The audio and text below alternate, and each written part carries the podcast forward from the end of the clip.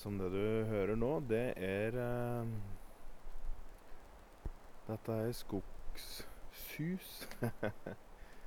det er vind. Eh, det er midt på natta. Klokka er full ja, ti på halv ett. Det er eh, Se dato er i dag. Det er eh, 26. 27. september. Um, ja. Jeg tenkte jeg bare ville starte dagen, dagens um, Krakadal eh, radioepisode med å Jeg må bare fortelle litt, for det Nå er jeg jo på denne hytta her, i, på Rudsetra. Der har vi Orions belte. Altså stjernehimmelen i dag. Den er helt sjuk, altså. Og fullmånen, den er ikke helt full, men, eh, for det var fullmåne for et par dager sia. Men den er fortsatt så sterk at den, altså den, den juser opp eh, skogen så innmari, så at, eh, at eh, skogen nå, den Ja, du ser liksom alle trekonturer, og du ser trærne ganske tydelig. og for vanligvis, nå, da det ikke har vært måne og slik så har det vært så smert at um, At jeg ikke Jeg veit ikke om jeg har øva att eller oppe. det, og det, det, er, det er ikke ljug. Det er så mært. Men liksom i dag så er uh, månen rett over furu- og grantoppa her. Uh, og lyser ned på meg. Og, og, uh, og himmelen er bare den er så full den av millioner av stjerner at uh, man blir bare helt lik fytti rakkeren. Og Og som du hører nå, så er det en lett En lett og kjølig vind. Uh, og pipa, den oser ut uh, vedreik. Så du kan kjenne ordentlig lik peisluft eh, som bare siver ut av hytta mi. Eh, og det er jo Ja. Nå har jeg vært her siden slutten av juni. Jeg har vært litt til og fra, da. Men eh, så klart, men ikke slik ofte. Mesteparten Så er to tred... Litt over to tredjedeler, kanskje det blir tre fjerdedeler, kanskje det er mer riktig, har jeg vært, um, har jeg vært her, da. Og nå reiser jeg innover igjen på fredag. Og da er det på en måte slutt med hyttesekvensen nå, da. Og det Jeg må si at liksom nå jeg gleder meg litt til å komme inn igjen til det sosiale. man har jo hatt besøk allikevel, men man har liksom gledet seg til det. Men nå, nå kjenner jeg det at At det liksom skulle bli godt å, å komme inn igjen og, og råke på folk og slikt. Men nå da det liksom er bare ja, under to døgn til, så syns jeg at liksom Faen, jeg kommer til å savne dette her òg, altså. Skikkelig. Så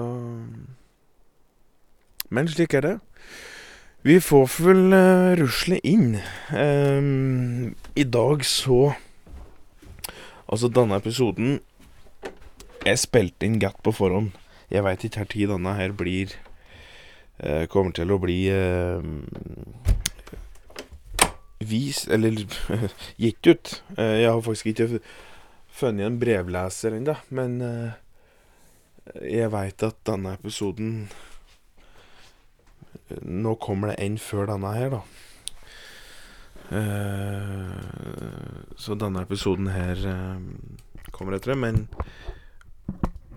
jeg syns det liksom er fælt å være så lenge, og så har jeg ikke engang spilt Spilt inn en episode her inne. Eller inn på hytta, da. Så vi får håpe at eh, Mac-batteriet holder, så jeg får fortelle hele.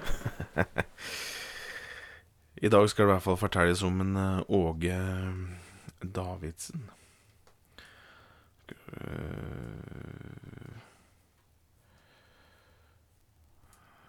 Og ja, jeg, jeg, jeg, må jo Jeg har liksom noen stikkord i denne historien her, så at Eh, det er klart jeg kunne ha skrevet for hånd, men, og det har gjort mye av det òg, men ikke akkurat nå. Ikke akkurat i dag. Men ja, vi skal jo Dette Nå har jeg planlagt jævla dårlig. Her kan det fort hende jeg klipper, eller så gir jeg faen i klippinga. Det har i hvert fall vært en jævla fin dag i dag. Jeg har jo hatt Krakadal-kopp, så jeg har jo hatt kopp, kopputsalg i dag. Eh, det var jo noen eksklusive kopper. Korte Nei, det var ikke mange, men eh, det gikk da bort en, eh, en 20 stykker ganske fort, så og der eh, Så dette, det blir Det kommer flere. Så det er moro. Og der er jo da hver en eh, kopp unik. Med forskjellige sitater ifra Krakadal radio. Eh, fy faen, det er mye dritt jeg har skrevet. Nå, vet du, nå er vi på plass. Nå er vi på plass. Dæven skinn og bein. OK. Er, eh, er dere klare å høre om Åge Davidsson? Han er òg kjent som eh, som lensmann Åge i diverse kretser. Skårbygda har jo skrevet en sang om han. Kunne kanskje tigge den i dag òg, men eh, vi får se hva vi rekker. I hvert fall, Åge Davidsson, født 1806, strøyk med 1859.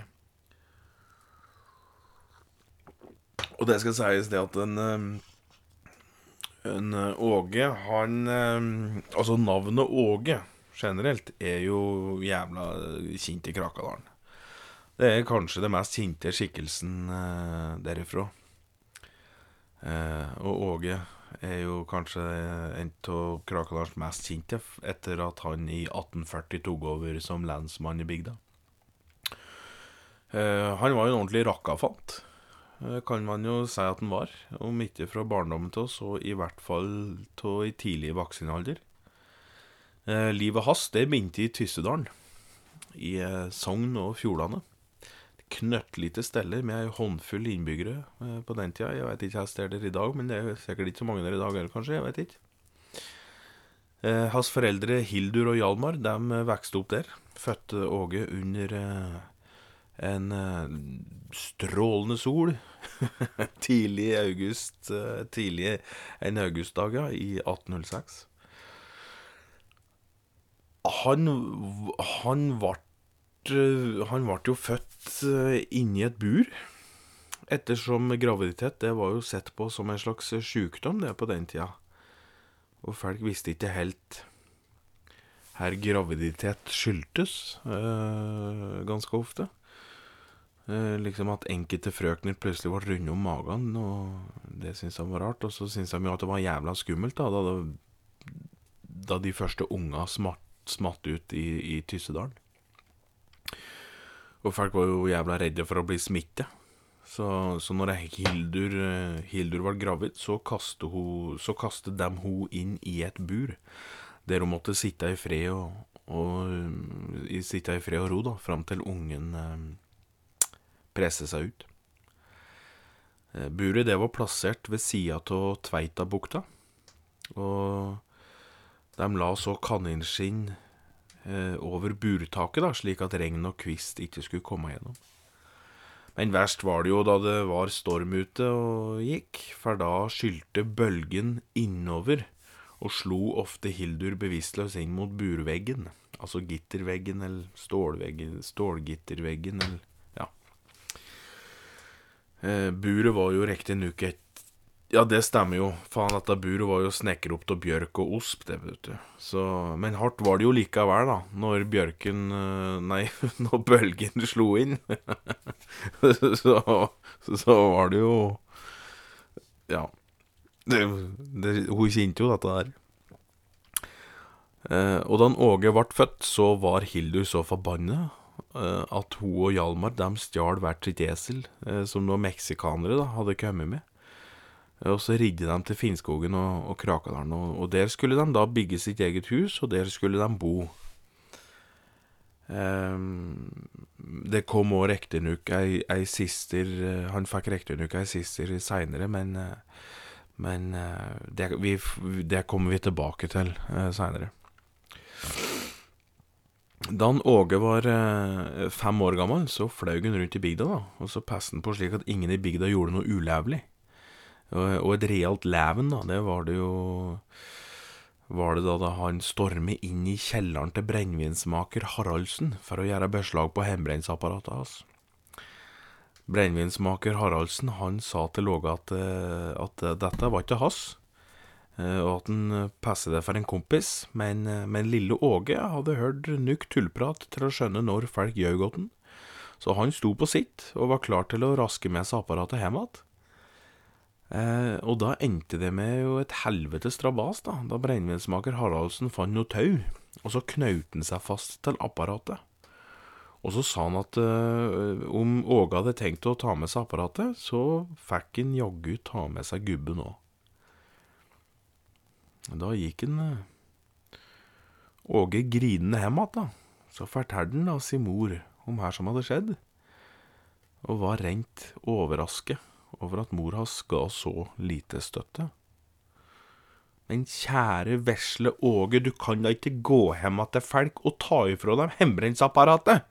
Her ellers skal da folk drikke av her i bygda. Hadde du, her hadde du tenkt de skulle drikke? Hm? Her hadde du tenkt de skulle drikke.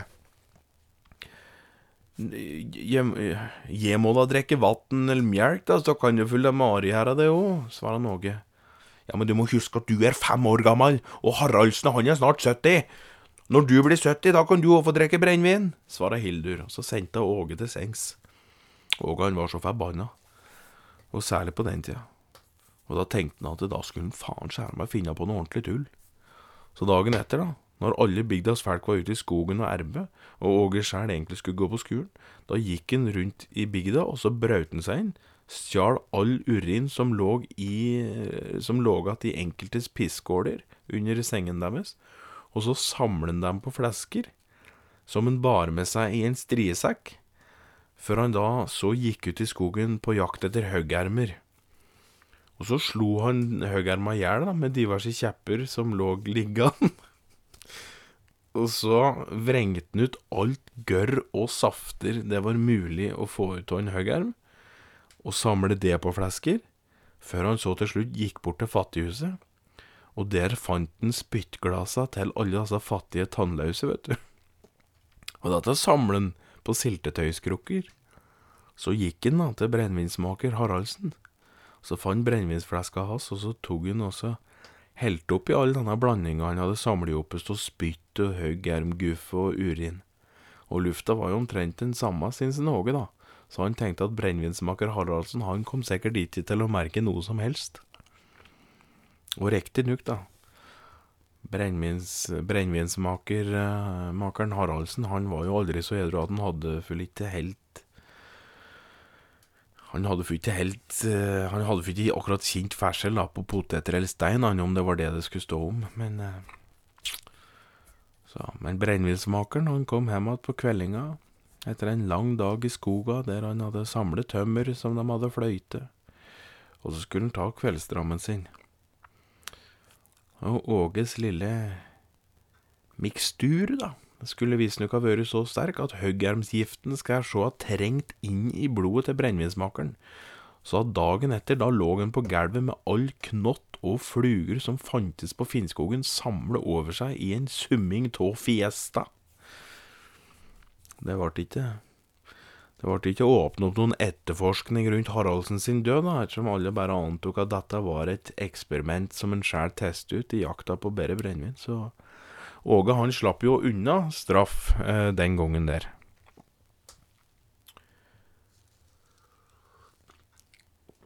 I um, Jeg tror jeg skal ta meg en snus, jeg, gitt. I ungdommen, da var Norge svært opptatt av det motsatte kjønn.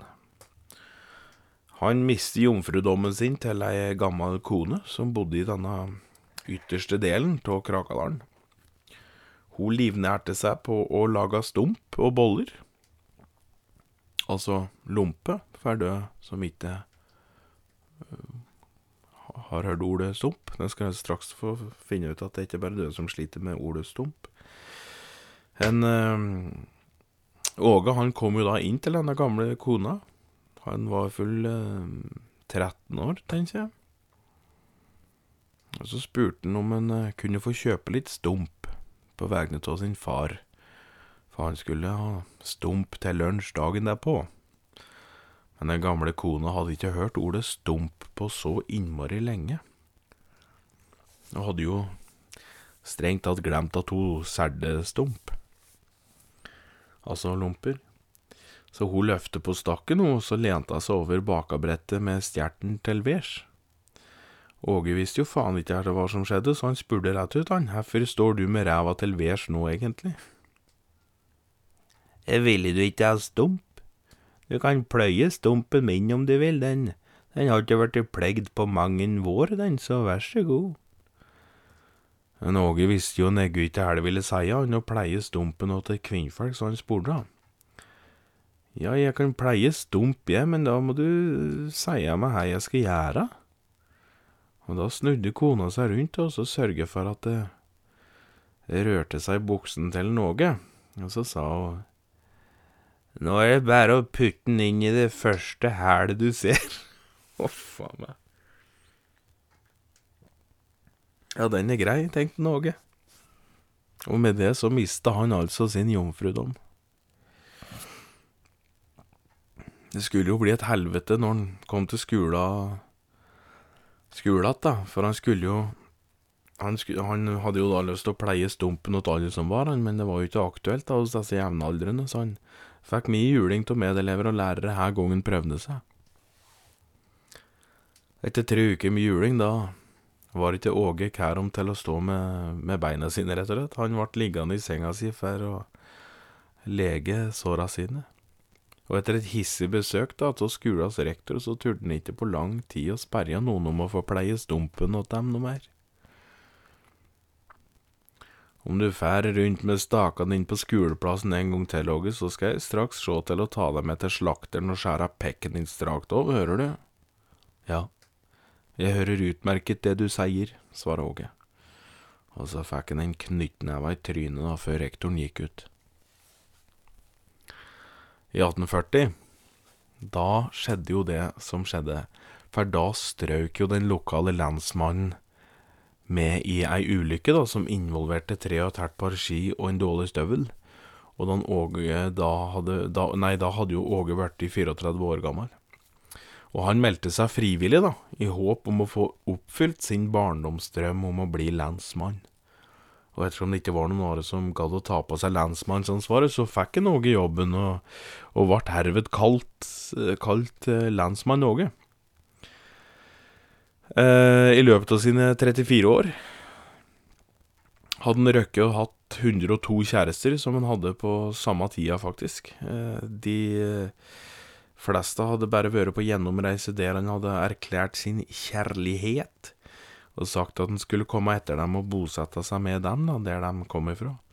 Om det så var i Karasjok eller i Beitostølen eller Marrakech eller Charlottenberg, det spilte ingen rolle. Han var en eh, Og så var han en jævel, da, på å sende elskovsbrev rundt omkring i verden. Han mottok mange brev òg, han, altså.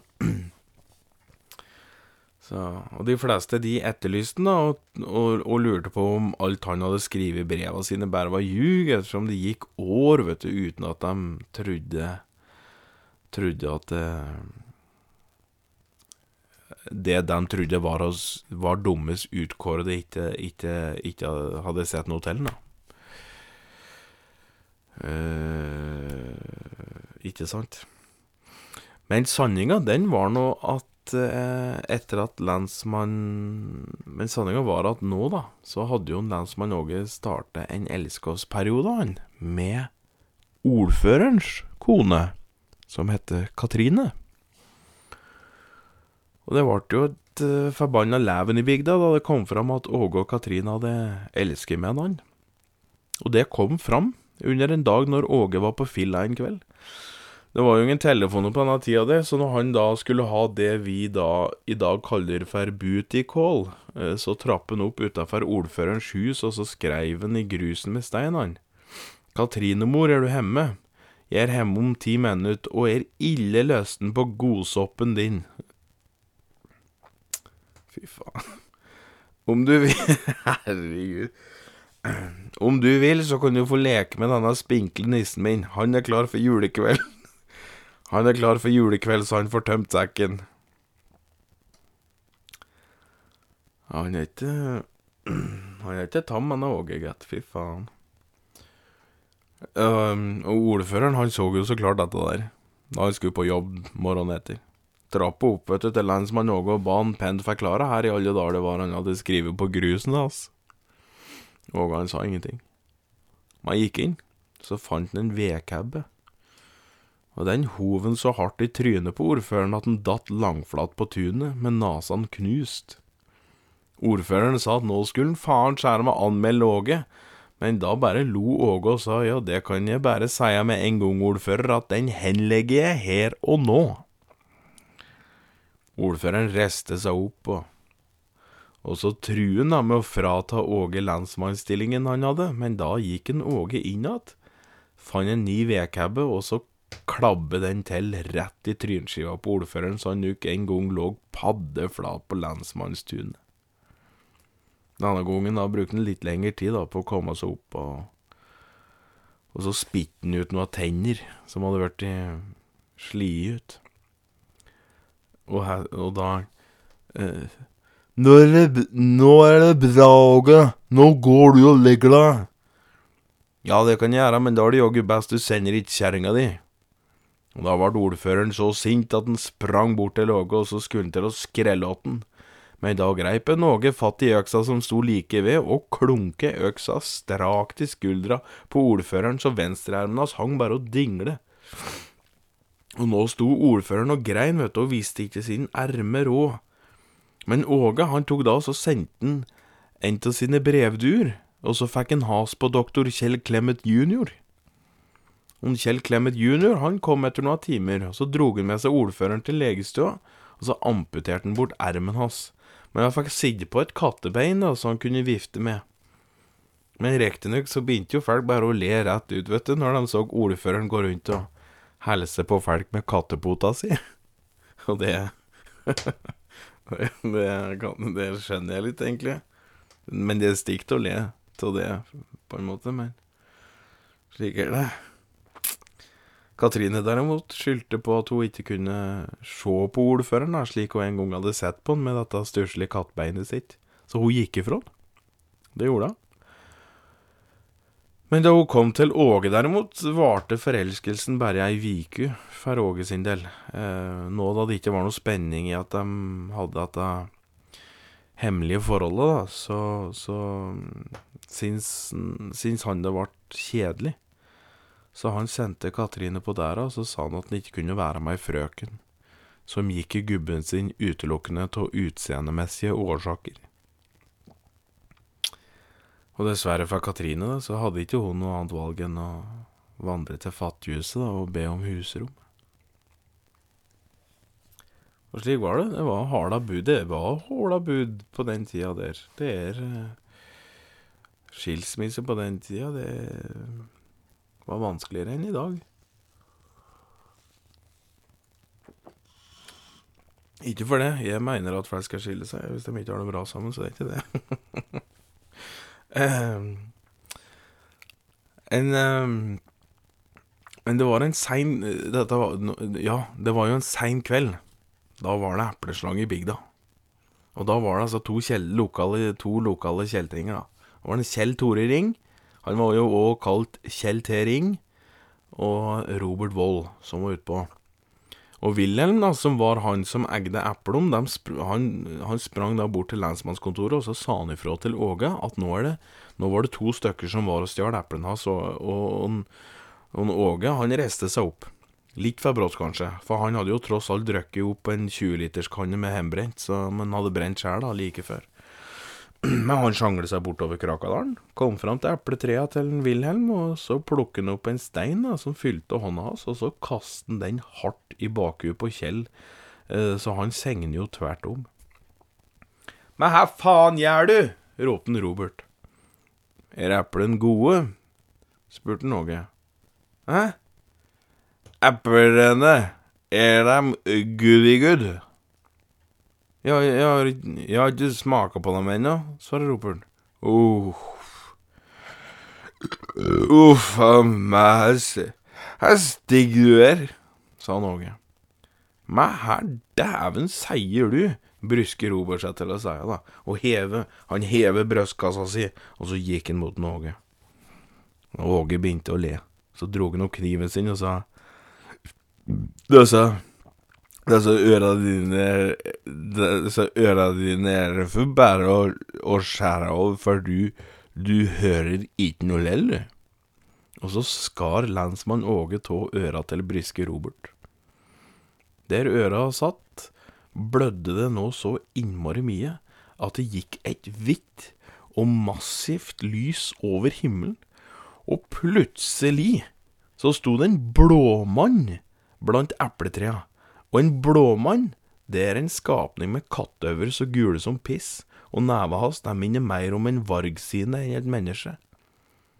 Han rasler bort der en Robert lå klynka, så holdt seg for øret, og så sa han Sei så Värkusaine asettu kun baita pitele koin perkele. Og så stopper øra til en Robert og bløget. Åge han sto med store øyne og gikk gjennom hvor mange liter sprit han egentlig hadde drukket, og han så på blåmannen med store øyne, og de var, de var nok fylt til randen med, med redsel. Og han satte seg på kne. Det viste seg at det blåmannen gjorde, det var å stemme blod. Og det han egentlig sa, oversatt på norsk, det var stå stille blod. Som veggen, stå som gjerdegården, hold deg som jævelen. Så smalt det da fra Kjell, Kjeltering som Eller Kjell Tering, da, som sto gjemt bak et epletre. Blodet står like rolig som jordas flod når Moses gikk over den. Mos... Mos... Mose klarer for faen ikke å gå, den støt. Den, den, ligger på bakken like rolig som, som treet står fast, svarer Åge, uten å flette blikket fra blåmannen. Plutselig så sa blågummen, da.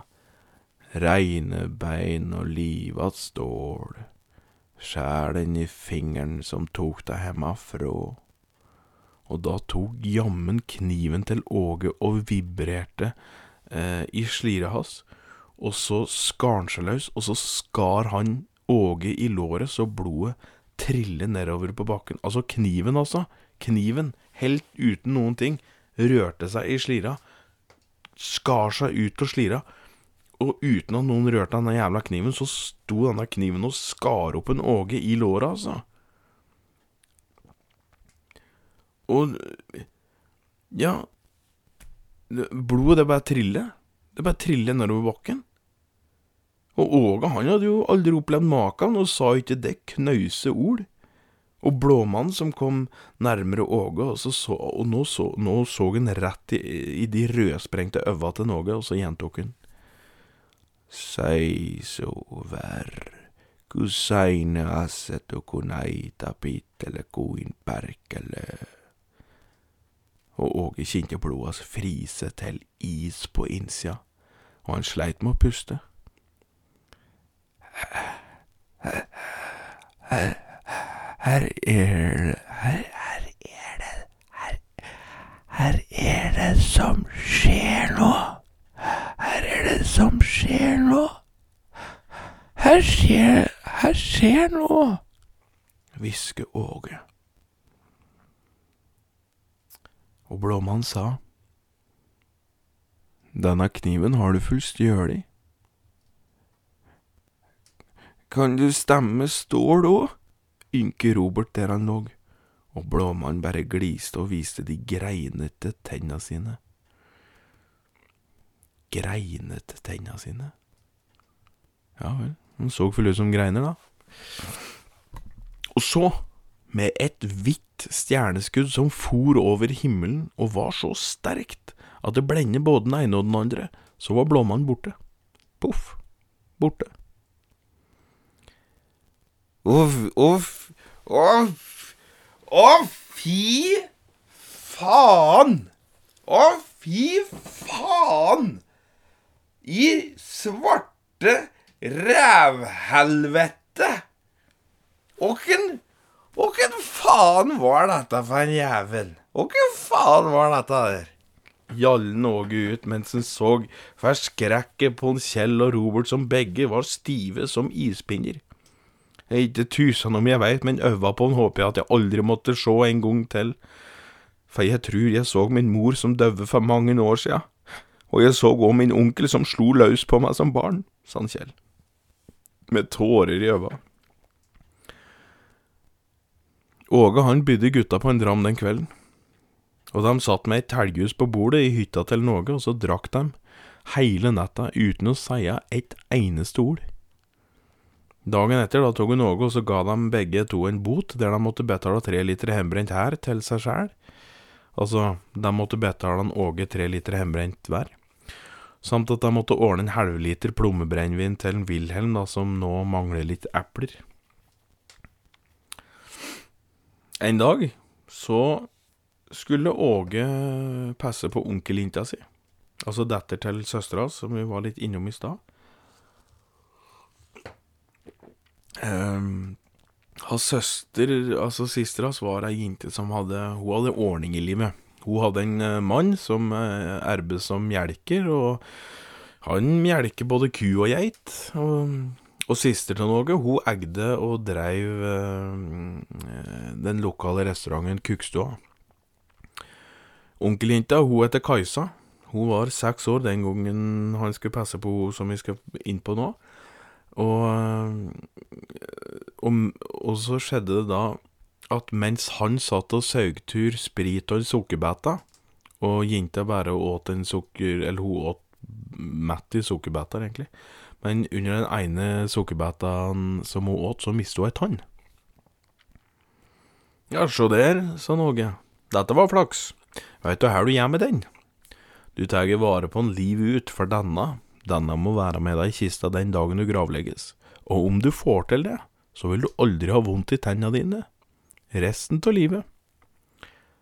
Ja, er det sant? spurte Kajsa. Ja visst faen er det sant, du tror da ikke at onkelen din sitter her og farer med løgn? Men eh, så, ikke lenge etter, da jenta hadde gått fra sukkerbeta til stein, så løsnet jaggu enda ei tann. Og hun gikk til sin onkel Åge og så lurte på hva hun skulle gjøre nå og da tok hun Åge med seg Kajsa ut i skogen, for han visste godt her han kunne gjøre for å skydde Kajsa ikke bare mot tannverk, men mot sykdom i det hele tatt. Så han hadde med seg tre plugger, eh, som han hadde høgtur ei gammel furu som var høgd ned på en sinda. Og, og, de plugga, de var høgd, eh, høgd ut og skåret ut som, en, som, en, eh, som, et, eh, som triangler. Og han gikk helt til han da Eller ikke bare han, han og Kajsa gikk til han fant ei gran som sto imot nord, slik at sola skinte på han. Og så lente han seg ned til jentungen, og så drog han til denne løse tønna hennes, så blod og rot ferdig med. Jenta skreik, men eh, Åge han bare hysje, og sa at hun måtte ikke skrike så innmari, for han, han var jo så dårlig etter at han hadde danset så mye kvelden før, vet du. Men eh, han tok i hvert fall spissen av alle tre plugger han hadde med seg, og duppet dem i blodet som vaka i tanngropa til jenta. Og så spiker han og banker inn disse plugga da opp i grana. Og så festet han tanna hennes der, og sa dit setter jeg sjukdommen, der må sjukdommen sitte, og der må den verke mer. For på den måten så var Kajsa både sikre mot tannverk og mot sjukdom. Eh, og en sidehistorie her nå. Det viste seg faktisk at en god del eh, år seinere så var det en liten gutt, eh, og han jobber for en liten juletrehugger ei jul. Og Og da han ble da bedt det var, da var det, det var en nisse da, fra Breidablikk som ba han om å hogge denne grana. Uh, men uh, og dette hadde jo egentlig ikke guttungen lyst til, eh, men da nissen truet med at det ikke ble gave på gutten da, det året, da tok gutten, guttungen øksa fatt, og så høgde han denne grana ned.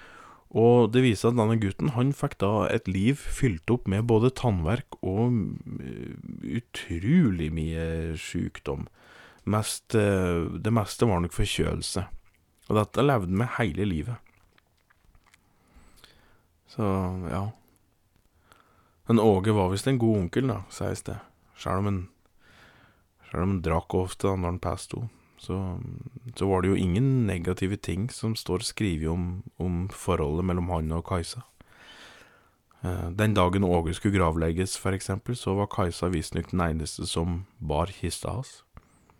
Og det, det gjorde hun med, med tanna som hun hadde mistet det gjemt i et klede, og som lå godt gjemt inni lomma hennes, da.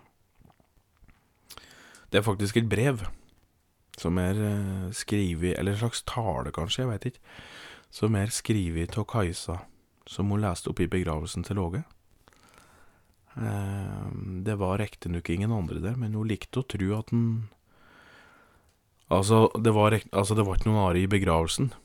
Men Kajsa hun likte å tro at den Åge bare lå og hadde klakten i kista, da. Slik han hadde gjort så mange ganger tidligere. Så at, han, så at egentlig så lå en noe liksom i kista og hørte på alt hun sa. Det var liksom Eller det var Ja. Det var Så Kajsa hun skrablet ned noen ord som hun håpte at hennes onkel hørte der, da, ifra det hinside. Eh, og ja. Det jeg leste Og da får vi inn på en liten ekstramelding her fra Krakadal nærradio. Og det viser seg det at eh, under en Sydpolen-tur anno 1930 Ikke det, nei. Det skjedde faktisk i 1987 viser det seg. Da var selveste, eller selveste, selveste, det var ingen ringere enn Gine Cornelia Pedersen som valser rundt på Sydpolen på isbjørnjakt. Og der hendte det da med at hun skjøt en isbjørn, reiv tur magesekken på den og fant der et brev.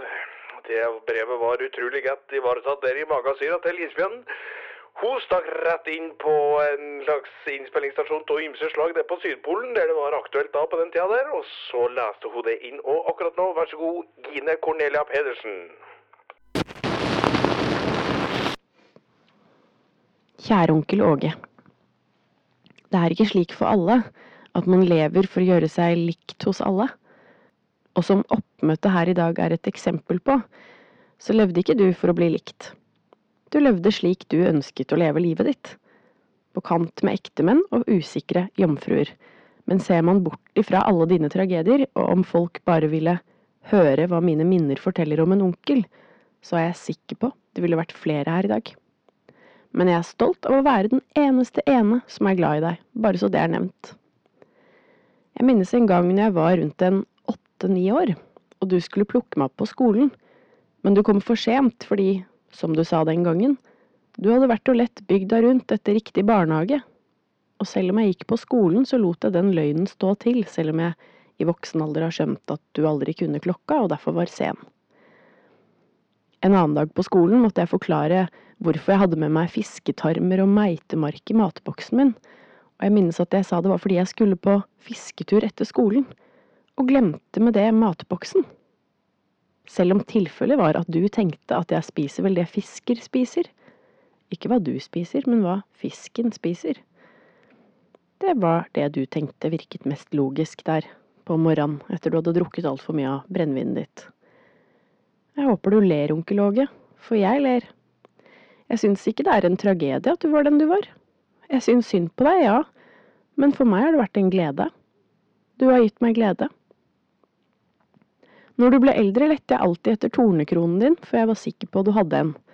Men jeg fant den aldri. Det gjorde aldri mor heller. Jeg minnes du en gang sa, vi vil aldri kjenne oss selv eller andre, derfor kommer vi så godt overens. Vi svinger oss i dansen eller deltar i samtalen i pausen. Men menneskelige, alvorlige, men til ingen nytte. Vi svinger oss i dansen eller deltar i samtalen i pausen, menneskelig alvorlige, men til ingen nytte. Og stjernene stille med sitt mektige orkester og ballets vertskap ser på oss med foraktelige og fremmede blikk. Og det kan stemme det, onkel Åge, at uh, Det er derfor vi kom så godt overens. I ettertid har jeg tenkt på dette, onkel. Hvor usynlige vi er for hverandre. Hvor dårlig vi kjenner hverandre. Vi ser hverandre og ser hverandre ikke. Vi lytter til hverandre, men stemmen vi hører, kommer fra oss selv. Jeg kan høre den andres ord, men jeg oppfatter det feil, som om min forstand er en bedrager. Men med overbevisning tror jeg på den andres ord endog. Men som du sa en gang, den livsglede som andre legger i sine ord, smaker som død for meg. For meg også, onkel. For meg også. For meg også, onkel. For meg også. Disse løgnene mennesker farer med. Fantasier ut av aske som lander på ens lepper, og viskes ut i håp om mening hos alt fra trær til vær. Og ingen vil vel selv gi seg en klapp på skulderen for alt det arbeidet en selv har gjort, for så å oppnå noe. For også den skulderklappen skal gå til høyere makter som ingen egentlig vet om finnes. Men mennesket vet at uansett hva det gjør, så er det ikke bra nok. Alt skal bety noe. Og det er naturligvis da en trist tanke at til syvende og sist så er det ingenting som gjør nettopp det. Betyr noe. Men for meg og mitt liv, onkel Åge, så har du betydd noe. Selv om den betydningen ikke betyr noe for deg. Og i hvert fall ikke nå. Uansett, takk for at du var onkelen min på godt og vondt, og vit at jeg aldri har trodd på noe av det de andre har sagt, selv om jeg vet at det er sant. Men min forstand er havarert, sånn som din. Jeg håper din tornekrone er av, og at du nå har det bedre enn noensinne. Hilsen Kajsa. Da vil vi, før vi fortsetter historien her fra Krakadal nærradio, bare få lov til å si tusen takk til Gine Cornelia Pedersen, Cornelia Pedersen, som eh, leste brevet her altså til Kajsa, niesen til Åge Davidsson altså. Vær så god, Jon Emil Jørgensrud, fortsett videre med din historie.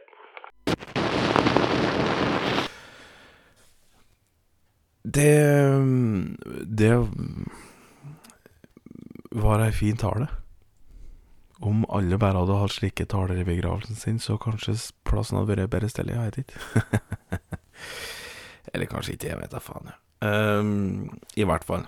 Vi skal videre i historien, og um, apropos historie, det er jo, altså, det er jo så mange historier om Åge, egentlig. Um, og særlig fyllehistorier. Men det er vel særlig én eh, som er noe utenom det vanlige, vil jeg påstå.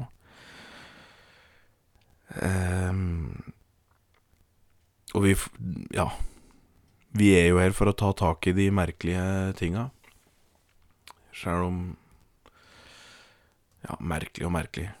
Dette, jeg, herregud, folk gjør så mye rart, så dette er jo Dette er ikke noe merkelig.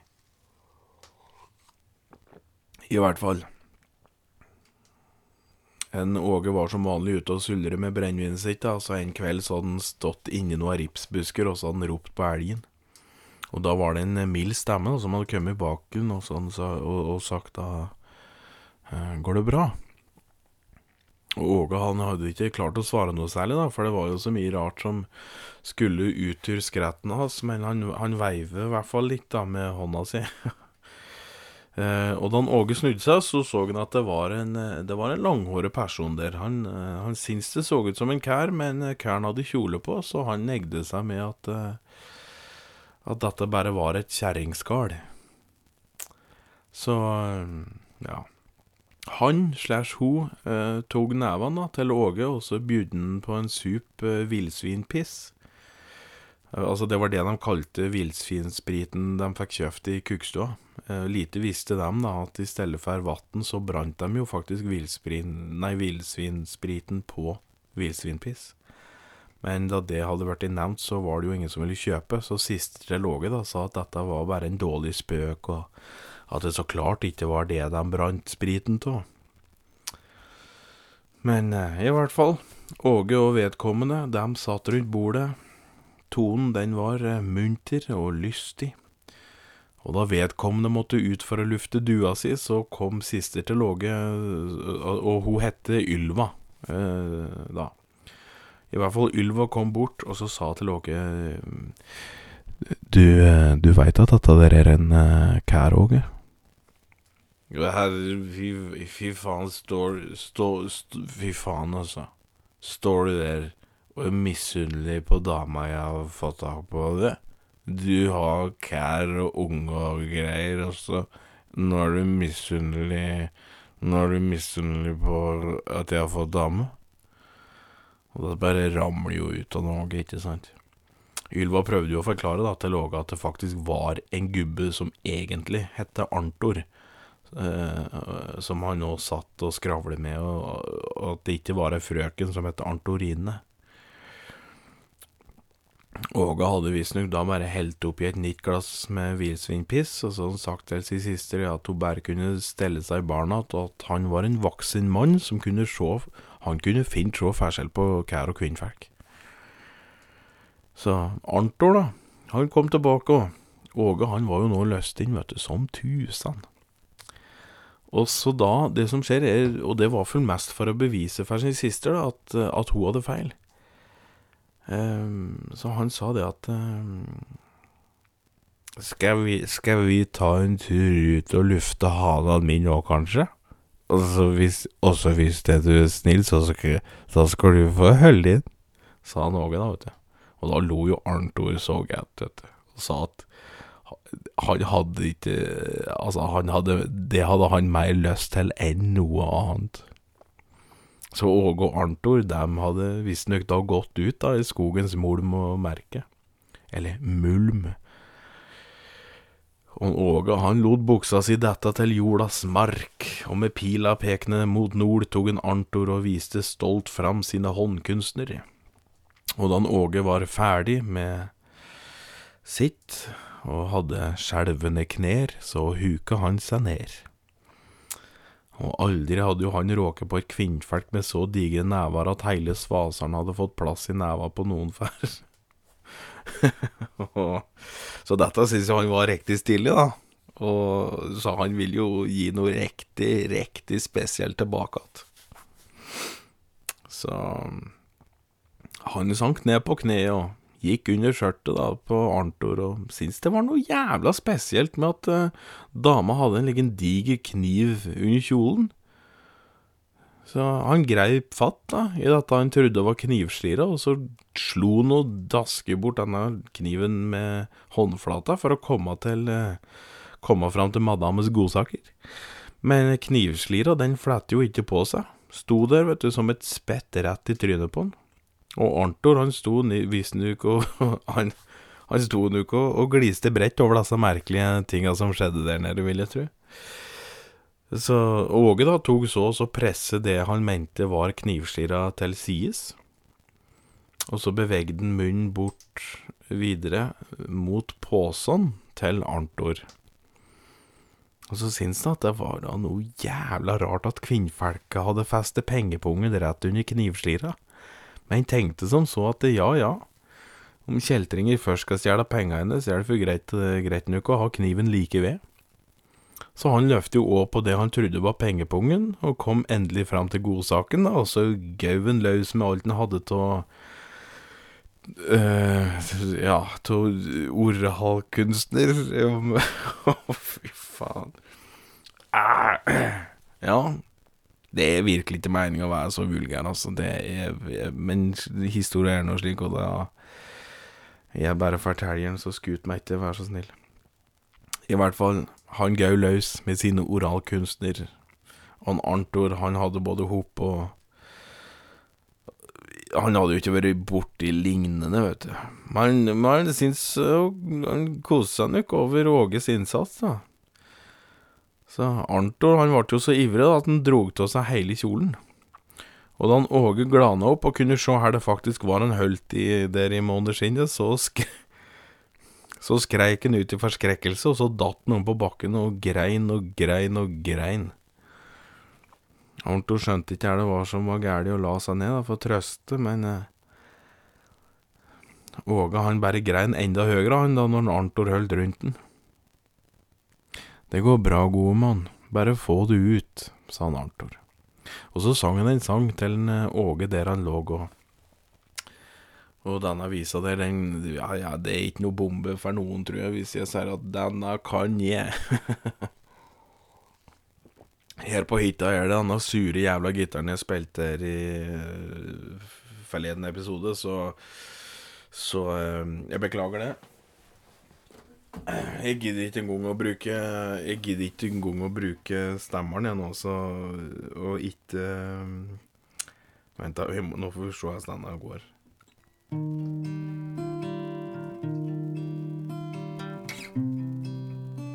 Fy faen, det er surt som et ville satan, men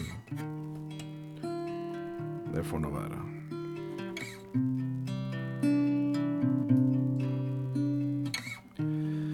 Vesle månemann,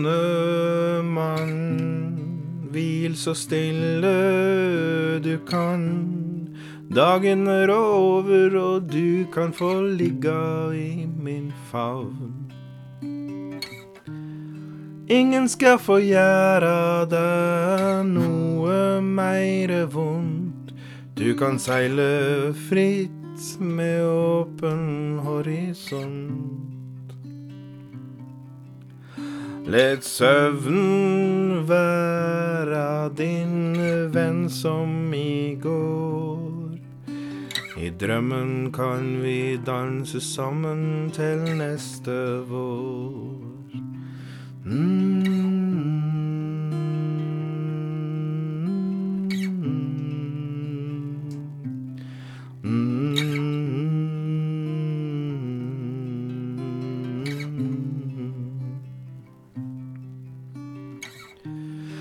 Vesle månemann, pust i fred og ro.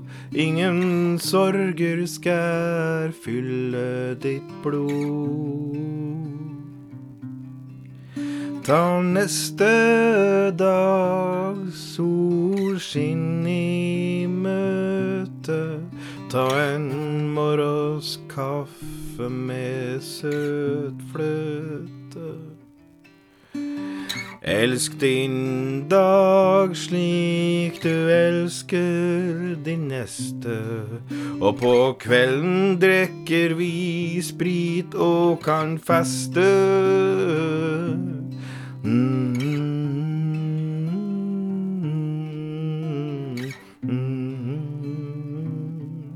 Mm.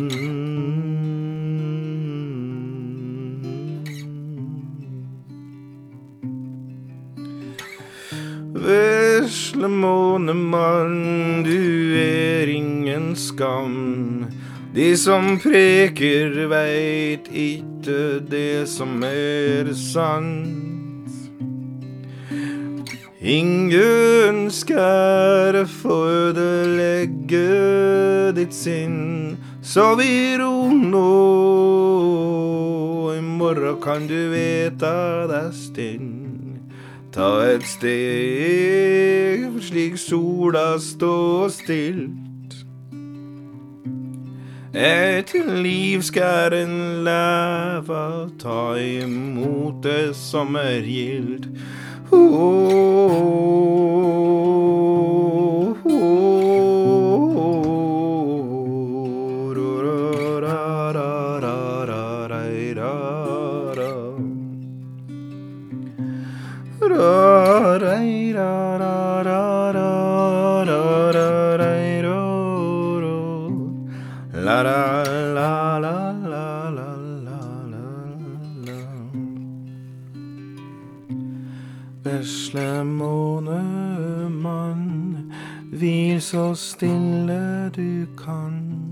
Dagen er over, og du kan få ligge i min favn.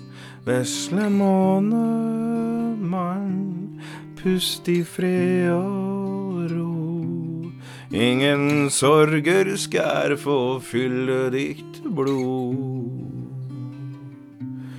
Vesle månemann, du er ingen skam. De som preker veit ikke det som er sant.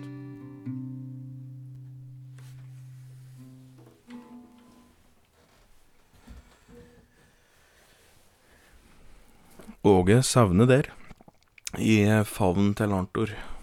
Og dagen etter, når han våkna på morgenskvisten, så fant han bare en lapp der det sto eh, Tusen takk for en nett månemann, jeg vil aldri glemme deg.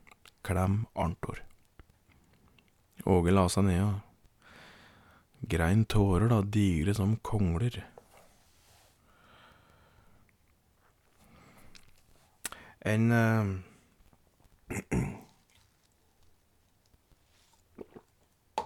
Oi. En vinterkveld i 1859. Da lå en 53 år gammel Åge forlatt av alle bygdas innbyggere i hytta si på Krakadalen.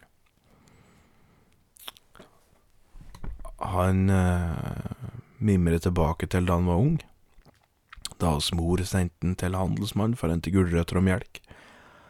Han hadde hatet det så innmari, men tenkte der han lå at han egentlig satte pris på at hans mor spurte han om ting. Han savner det at hans mor ikke trengte han noe mer. Han savner sin mor. Han mimrer òg tilbake på den tida når eh, sistera og han sjæl lekte høne og kanin i skogen, og, og på den gangen han trøstet sin søster når hun hadde slik kneet sitt på en stein og fått skrubbsår. Han hadde sittet i en halvtime og blåst på kne, og sjæl om sisteras eh, hadde sluttet å grine ganske fort, da, så hadde hun sagt at han måtte blåse mer her gangen spurte om det gikk bra. Han mimrer òg tilbake til den gangen far hans skulle ha han med ut i bua og kverne korn. Han hadde jo hatet det òg så innmari. Og skjønte skjønte for ikke det at eh, Det var jo det lille far hans rakk å sjå han. Det var jo de gangene han måtte være med og hjelpe å kverne korn, for eksempel. Eller hjelpe til generelt. Og da begynte han å savne sin far. Han savner jo søstera si, det gjorde han jo. Og så tenkte han på alle de venner han en gang da hadde hatt i barndomstid, men som hadde Eller som han hadde drukket bort, uten mål og mening. Han grublet på alle de frøkner han hadde råket på og kost seg med, men som han ikke hadde mer respekt for enn at han hadde ditt dem ut dæra etter endt affære. Han var ikke så fornøyd med seg sjæl der han lå, men han visste såpass at alle i bygda visste hvem lensmann Åge var, og han var fornøyd med det. Og han visste at bygda ville ha lite å slarve om nå som han skulle dø. Og da klokka slo midnatt, akkurat midnatt, i det millisekundet før det ble et uh, nytt år, så sevner lensmann Åge inn i denne evige søvnen. I håndflata så lå det et eneste brev. Nei, nei, nei, i håndflata lå det eneste brevet han hadde fått. Riktignok så var det bare en lapp, men det lå nå der. Og på den så sto det Tusen takk for en nett månemann. Jeg vil aldri glemme det. Klem Arntor. Og rett skal være rett. Det var ikke så mye å slarve om i bygden etter at Åge forlot jorda. Og eh, det var jo utrolig synd for meg, som da med det ikke har noe mer Oi, nå skumser jeg bort her. Som ikke har noe mer å fortelle om en Åge. Det var historie om eh, lensmann Åge Davidsson. Så eh, ja. Jeg er i hvert fall utrolig glad jeg fikk eh, lest inn en episode på hit her. Ja. Nå sitter jeg med tente ljus over hele. Det er fyr i peisen. Det er eh, Bare å begynne å glede seg til påsken for min del. Nei da, jeg har mye å glede meg til. Uansett, nok en gang, jeg må bare få si det. Tusen takk til alle som lytter og alt det der. At jeg veit det blir jævla repetitivt og faen piss og helvete, men, eh, men jeg er virkelig takknemlig for det. Altså, det er Du må virkelig Jeg håper at du sier ifra når du går lei. Det håper jeg. Så Men nå begynner for klokka å bli ganske mye, så nå tror jeg at jeg skal gå og legge meg. Eh, og som sagt, når jeg spiller inn dette der, så spiller inn dette her, så veit ikke dere som har lest inn brevet, men eh, jeg vil takke vedkommende. Virkelig. Og husk, trenger du julegaver, så kommer det meget, meget begrense og meget eksklusive Kraka-kopper. 100 kroner stykket. Nei ja, jo det er det. 100 kroner stykket. Mest sannsynlig. Uh, utover det uh, Ha en riktig fin kveld videre. Riktig god aften, og tusen hjertelig takk for meg. Adjø. Og her kommer da eh, sangen Skårbygde har skrevet om lensmann Åge.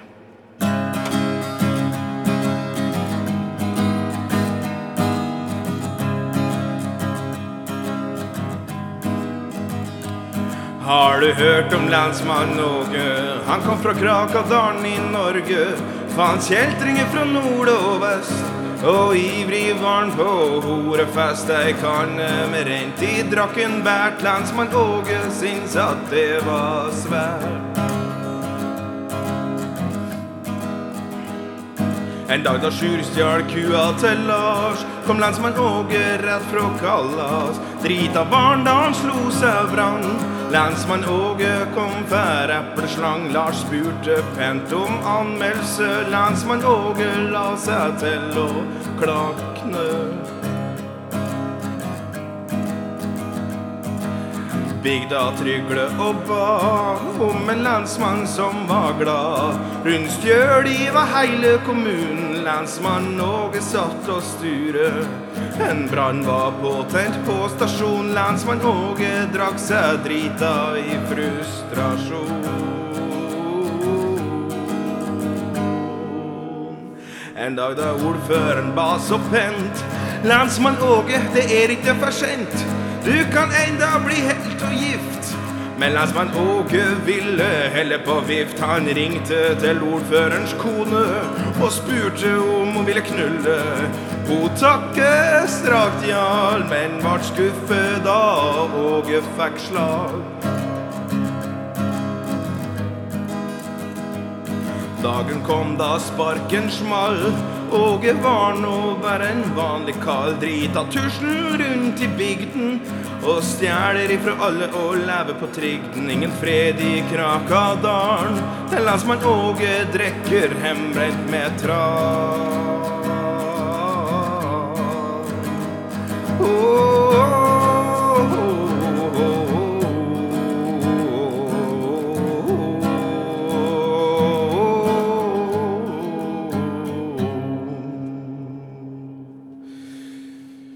Tusen takk, ja. Tusen, tusen takk for det.